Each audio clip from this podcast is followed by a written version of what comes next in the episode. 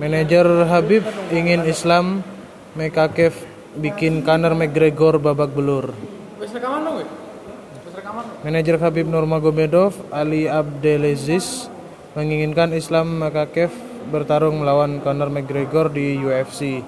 Islam Mekakev adalah anak didik Habib Nurmagomedov yang tengah berkarir di divisi kelas ringan UFC.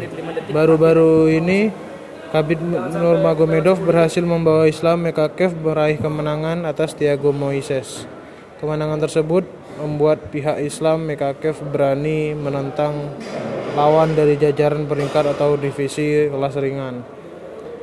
Islam Mekakev menyebut beberapa nama petarung seperti Rafael dos Anjos, Tony Ferguson, hingga Michael Chandler untuk menjadi lawan selanjutnya.